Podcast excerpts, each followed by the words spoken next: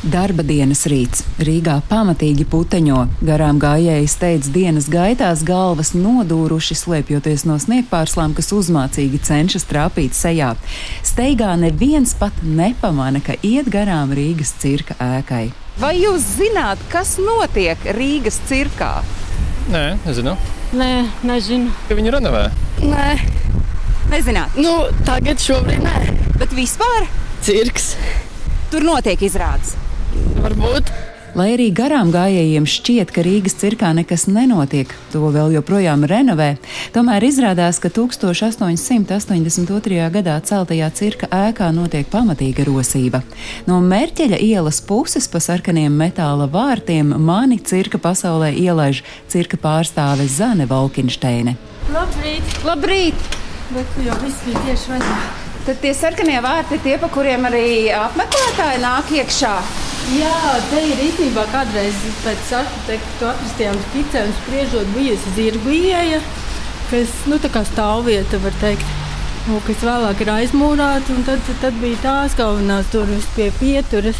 Tagad mēs atrodamies uh, iekšpagalmiņā, kas, ir, uh, kas ved uz jauno ieeju. Un tālākajos rekonstrukcijas plānos ir paredzēts, ka virzienā uz Kalniņa ielas pusi šis pagalmiņš turpināsies jau kā pasāža. Tad tā arī kļūs par tādu publiski pavisam pieejamu telpu, līdzīgi kā Berga bazārs vai citi šie kvartāli iekšpagalmi, kur varēs gan cirka apmeklētāji, gan vienkārši cilvēki, kas bauda pilsētvidi, atrasties. Tā. Tagad mēs ienākam uh, telpā, kur ir ieeja un uh, garderobas.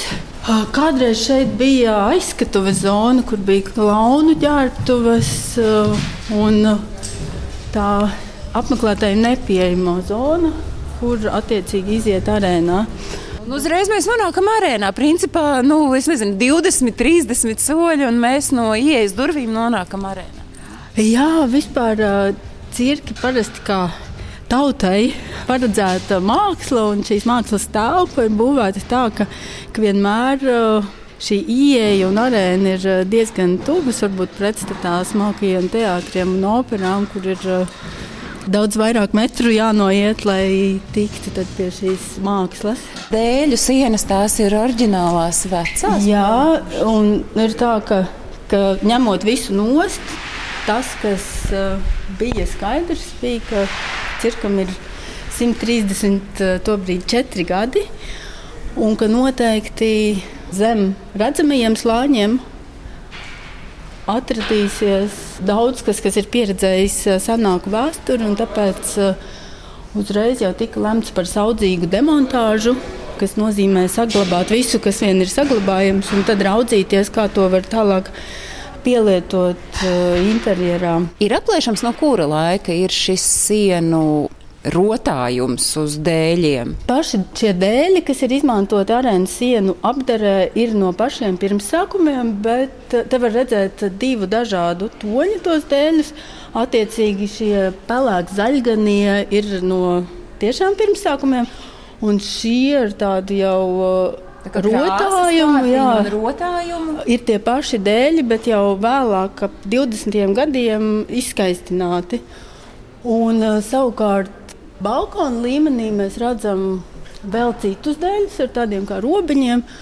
Un tie ir vēl senāki. Tie nāk no tribīņu konstrukcijas, kas jau tās būvēšanas brīdī tika veidot no otrreizējiem izējuma materiāliem. Visticamāk, tas ir no iepriekšējās pagaidu cirka celtnes, kas atradās Tērbats brīvības stūrī. Un, uh, jā, varbūt cilvēki, kas uh, vēl salīdzinoši nesenā pagātnē ir uh, apmeklējuši cirku un atceras būt gan krāsainos gaiteņu sienu gleznojumus, gan daudz ko citu, viņi saka, ka cirks ir ļoti mainījies.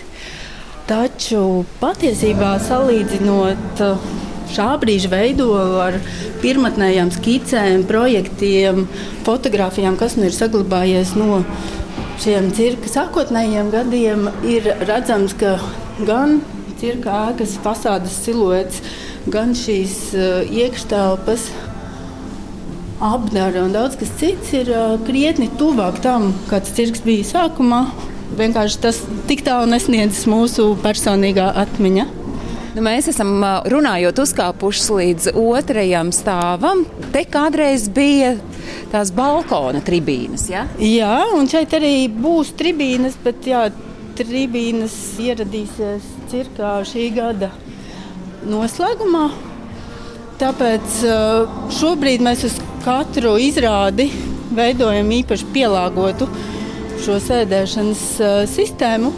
Un tagad mēs kur kāpsim? Tagad mēs dosimies uh, uz tehnisko telpu. Tas jau ir kupola līmenī.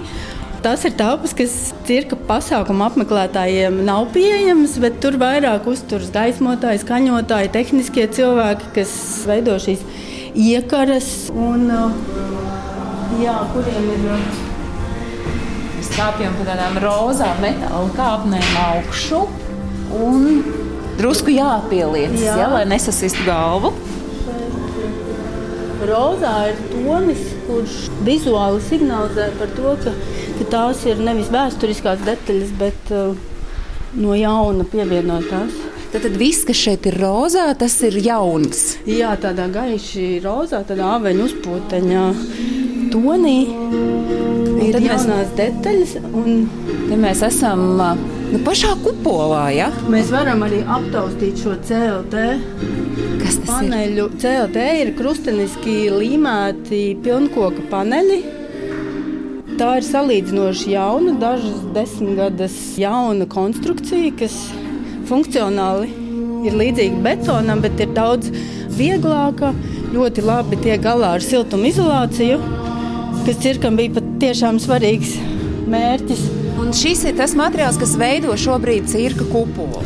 Nu, augšā jā, ir tas uh, rozās kārts, bet uh, no iekšpuses uh, kupolu veido šie jā, CLT speciāli no 24 daļām veidotais uh, kupols kurš, cik ir zināms, projekta autoriem, ir vienīgais pasaulē no šāda materiāla kupols. Līdz ar to tā arī ir tāda.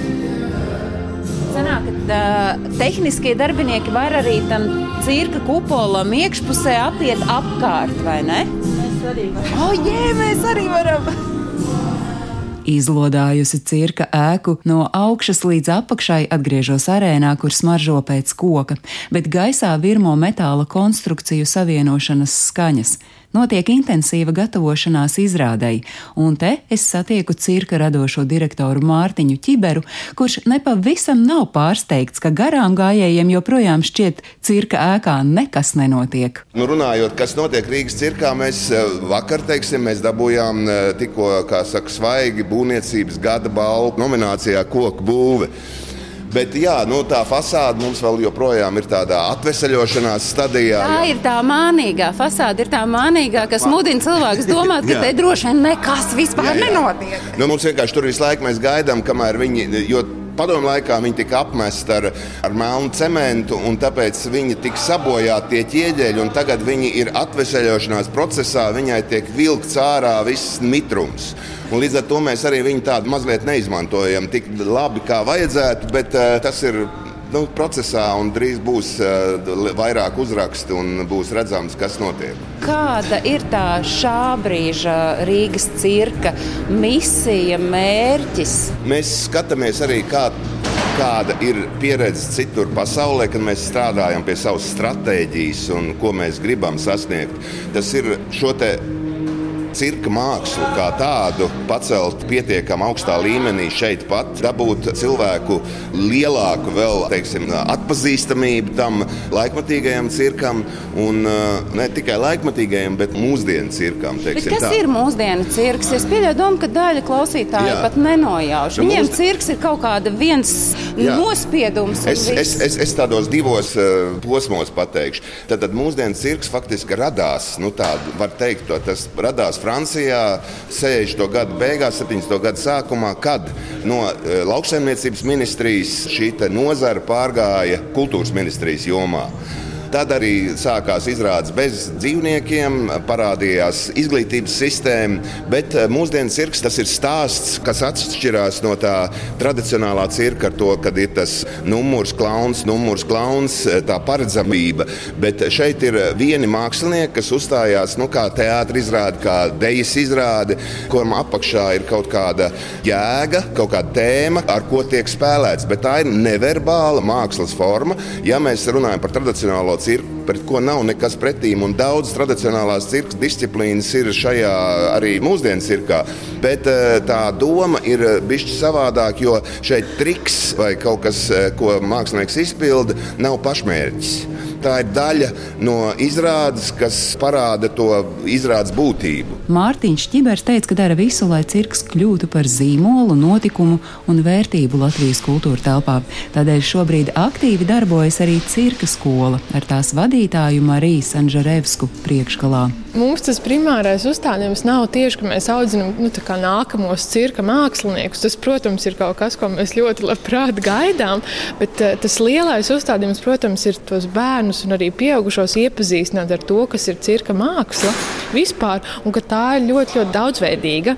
Tas nav tikai par akrobātiku, kā bieži vien ir tas uzskats, bet ir gan žonglēšana, gan līdzsvara disciplīnas, gan gaisa akrobātika, gan grīdas akrobātika, un dod to iespēju, ka tas tiešām ir ļoti plašs mākslas žanrs, kurā var izpausties. Un, protams, ja tie jaunie audzēkņi saprot, ka viņiem ir tā vēlme turpināt, tad mēs mēģinām pēc iespējas nu, maksimāli arī viņiem palīdzēt attīstīties. Mums ir viena no, no mūsu virzieniem ir izglītība, otrs virziens ir rezidents. Tad brauc šeit mākslinieki, taisa savus izrādes no ārzemēm kopā ar latviešu māksliniekiem. Vai, bet arī, protams, šīs kopienas uh, rašanās, bet mēs neejam uz to. Un, protams, trešais ir, ir izrādes kā tādas, ko mēs šeit varam parādīt. Jāatklāj, ka ciemojos Rīgas cirkā īpašā brīdī. Nu pats sākas cirka pavasara sezona.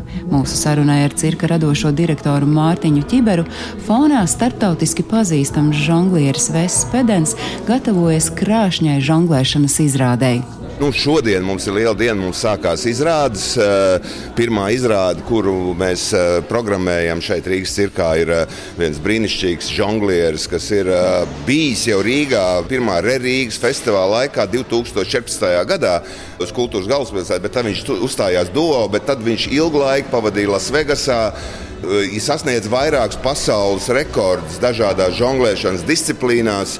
Un, uh, tad atgriezies Eiropā un joprojām ir pieprasīts Lasvegasā, bet tiešām viņš ar savu izrādi, nu, teiksim, tas laikmīgais cirks kā tāds vispār jau viņš, viņ, viņam ir tā tēma. Šoreiz tas ir amerikāņu kalniņi. Varbūt mums Latvijas skatītājiem, nu, auditorijai nav tik daudz pieredzes pie amerikāņu kalniņiem, bet Amerikā, protams, daudz tie vecie atrakciju parki tiek slēgti.